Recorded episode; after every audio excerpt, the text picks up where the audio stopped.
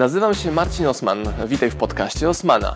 Będę prezentował Ci treści z zakresu biznesu, rozwoju, marketingu. Będzie również dużo o książkach, bo jestem autorem i wydawcą. Celem mojego podcastu jest to, żebyś zdobywał praktyczną wiedzę. A zatem słuchaj i działaj. Marcin Osman. Czy też nie jesteś głodny, jesteś trochę taki jak bulldog, że wiesz, że A, musisz- no, ale nie jest takim- w takim sensie, że nie jesteś tak, że jesteś po trupach za wszelką cenę, że nie, Nie, ma musi być na naszych warunkach, po naszemu, musi to być na luzie, dlatego to nas łączy również to, że dużo podróżuję i ta wolność podróżowania jest na pierwszym miejscu, a dopiero później jest biznes. Czyli czy ja mogę mój biznes wziąć w podróż?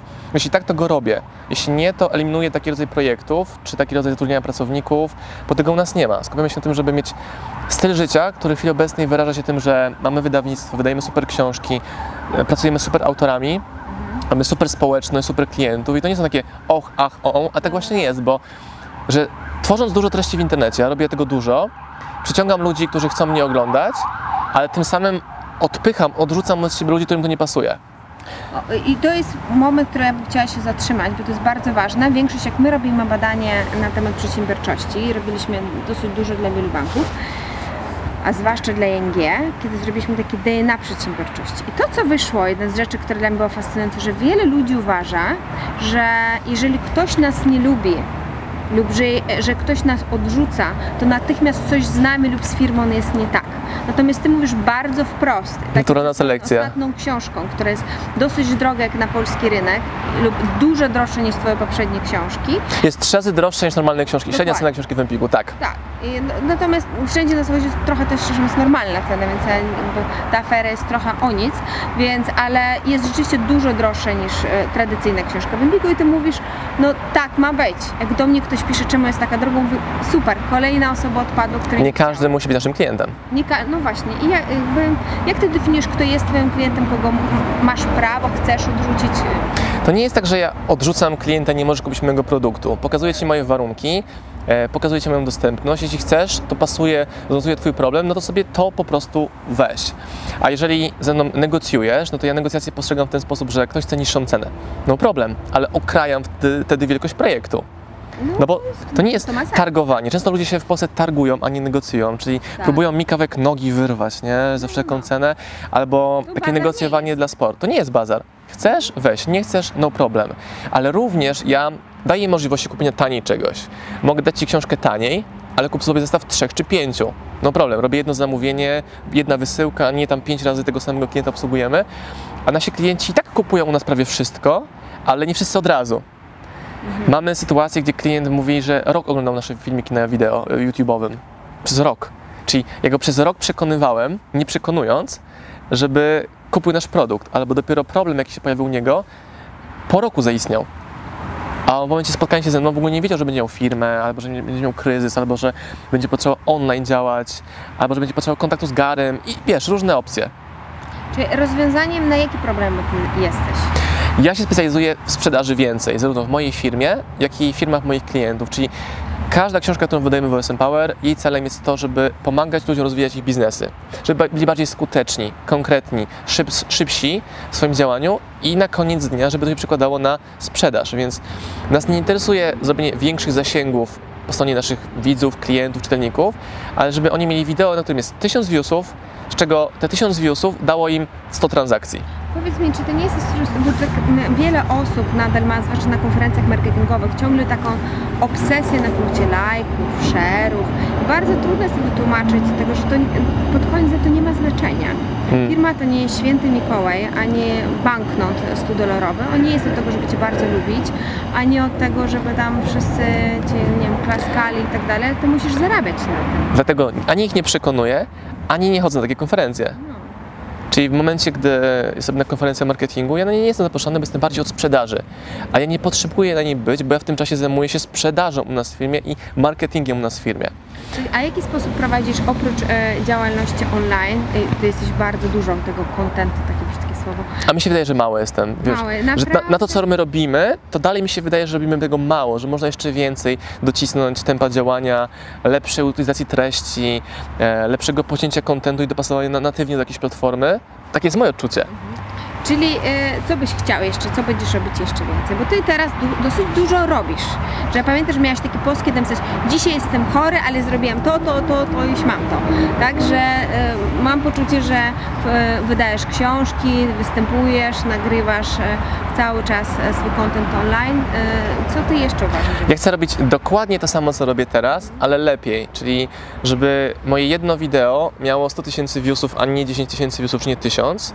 Czyli robiąc dokładnie tę samą czynność, robiąc ją lepiej, zwiększam swoją ekspozycję, dzięki czemu robienie dokładnie tego samego z czasem daje mi większą efektywność i skuteczność. Czyli z tego wideo będę miał nie 100 klientów, ale 1000 klientów. A jaki masz plan jak to zrobić?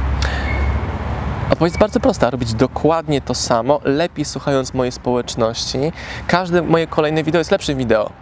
Bo jak ktoś zadaje mi pytanie po raz 58 takie samo, ja na nie odpowiadam na wywiadzie, na wideo czy na jakichś live'ach, ale moja odpowiedź jest lepsza, trafniejsza pod kątem merytoryki, formy, dotarcia, ale również statystycznie, jak ktoś usłyszał tą odpowiedź po raz 15 i widzę, że ja żyję tą filozofią u mnie w firmie czy w moim życiu prywatnym również, to to działa i on nagle bierze to coś i wdraża u siebie, to to się przełożyło na jego efekty jeszcze większe.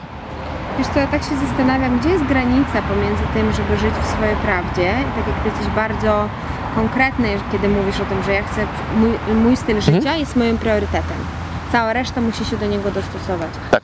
A, a z drugiej strony ty jesteś bardzo uważny wobec swojej społeczności.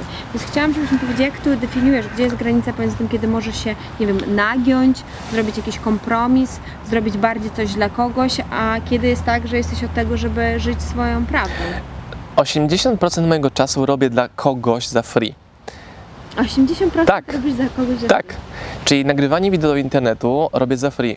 Jeśli mam wystąpienie na konferencji, to ja płacę czas operatorowi, kamerze i tak dalej i wrzucam za free do YouTube'a półtorej godziny wystąpienie, tak jak to było w niedzielę wystąpienie, ono będzie jutro w internecie, za free. E, artykuły, posty, fragmenty treści, wideo na Instagramie, to jest wszystko za free.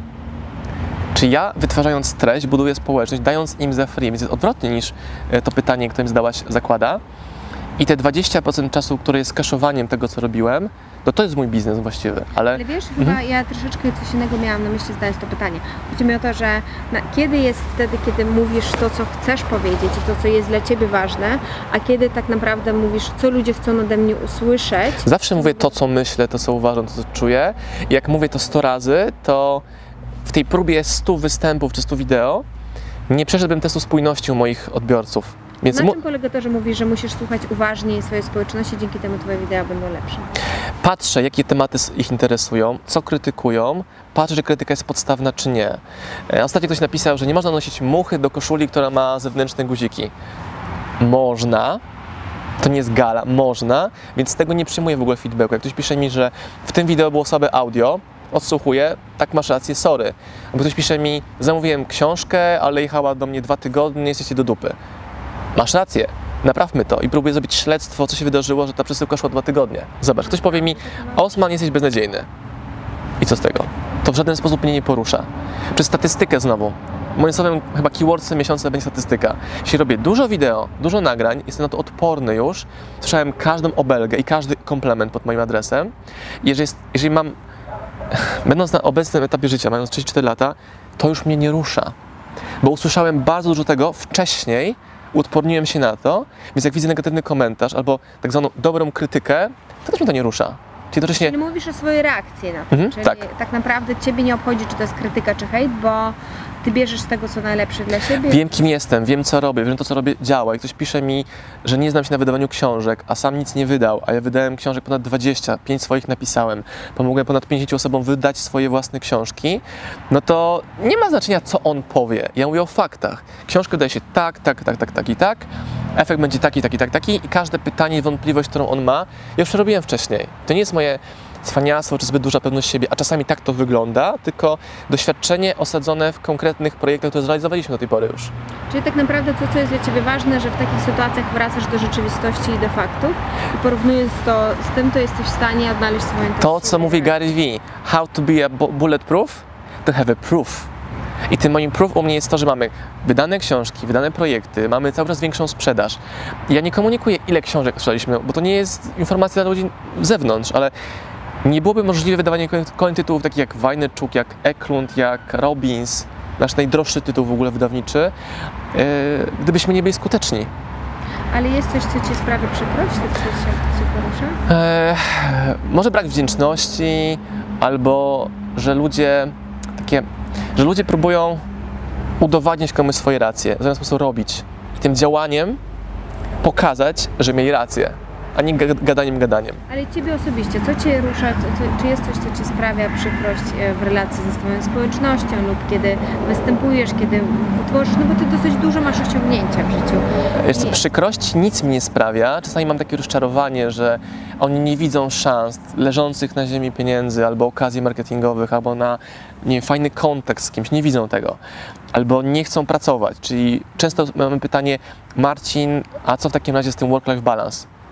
Mówię, jak to co? Będę miał cztery dychy, to będę miał work-life balance. Teraz mnie interesuje ciśnięcie, napieprzanie do przodu, żeby realizować pomysły, które mam w głowie. A kochasz poniedziałki? Dzień jak dzień.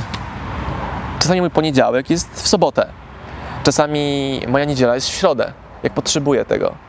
Wiedząc, że jadę na bardzo intensywny czas teraz, spotkanie z Tobą, kolejne trzy dni w Warszawie, no to wczoraj miałem dzień regeneracji. Ja też robiłem jedno wideo, webinar, maile, telefony od klientów, nawet tego nie liczę w pracę, bo to jest oczywiste. Często ludzie myślą, że z jakimś robokopem, e, że to funkcjonuje, nie śpię. Nieprawda. Śpię, odpoczywam, mam czas na spacer z żoną w środku dnia. Znacznie więcej niż ludzie, którzy często pracują na etacie. Czyli co, co, jakie trzeba mieć właściwości w sobie, żeby kochać właśnie poniedziałki tak jak każdy inny dzień? Robić dużo i testować, które rzeczy nam pasują, co lubię robić. Czyli ja odkryłem, bo to jest, było odkrycie na pewnym etapie mojego życia, że jestem stworzony do sprzedawania. Więc moją misją jest sprzedawać coraz lepiej, bo to umiejętność daje mi bezpieczeństwo. Czyli mając za sobą upadek dużej firmy wcześniej, kilka lat temu, zdefiniowałem sobie, czemu upadła. Nie przez zarządzanie, nie przez wspólnika, nie przez pracowników, tylko przez spadek sprzedaży. Nie potrafiłem dowieść tyle pieniędzy z rynku, ile w tym momencie y, potrzebowała moja firma. Więc wykreśliłem sobie z głowy w ogóle funkcję prezes, szef działu sprzedaży, tak, jak najbardziej. To jest moje miejsce w biznesie. Nie pcham się w zarządzanie, nie pcham się w papiery. A jak czasami dotykam czegoś, to lepiej, żebym tego nie ruszał, papierowego. A wiesz, część ludzi uważa, że ponieważ jest takie bardzo modne, e, tak modne, że już dla mnie obrzydliwe słowo pasja, Hmm? czyli wszyscy mówią o tym, jak należy podążać za swoją pasją. Ja uważam, że bardziej nazywam to nie pasją naprawdę, taką, co jest twoje, co jest nie twoje. Ale wiele ludzi nie umie tego odnaleźć i nie wie tak naprawdę, co ich fascynuje, co ich kręci. Czy masz... Nie eksperymentowali. Uważasz, że to jest eksperyment? To samo byśmy im poradzili, jedźcie w podróż z plecakiem na pół roku, mając 10 dolarów.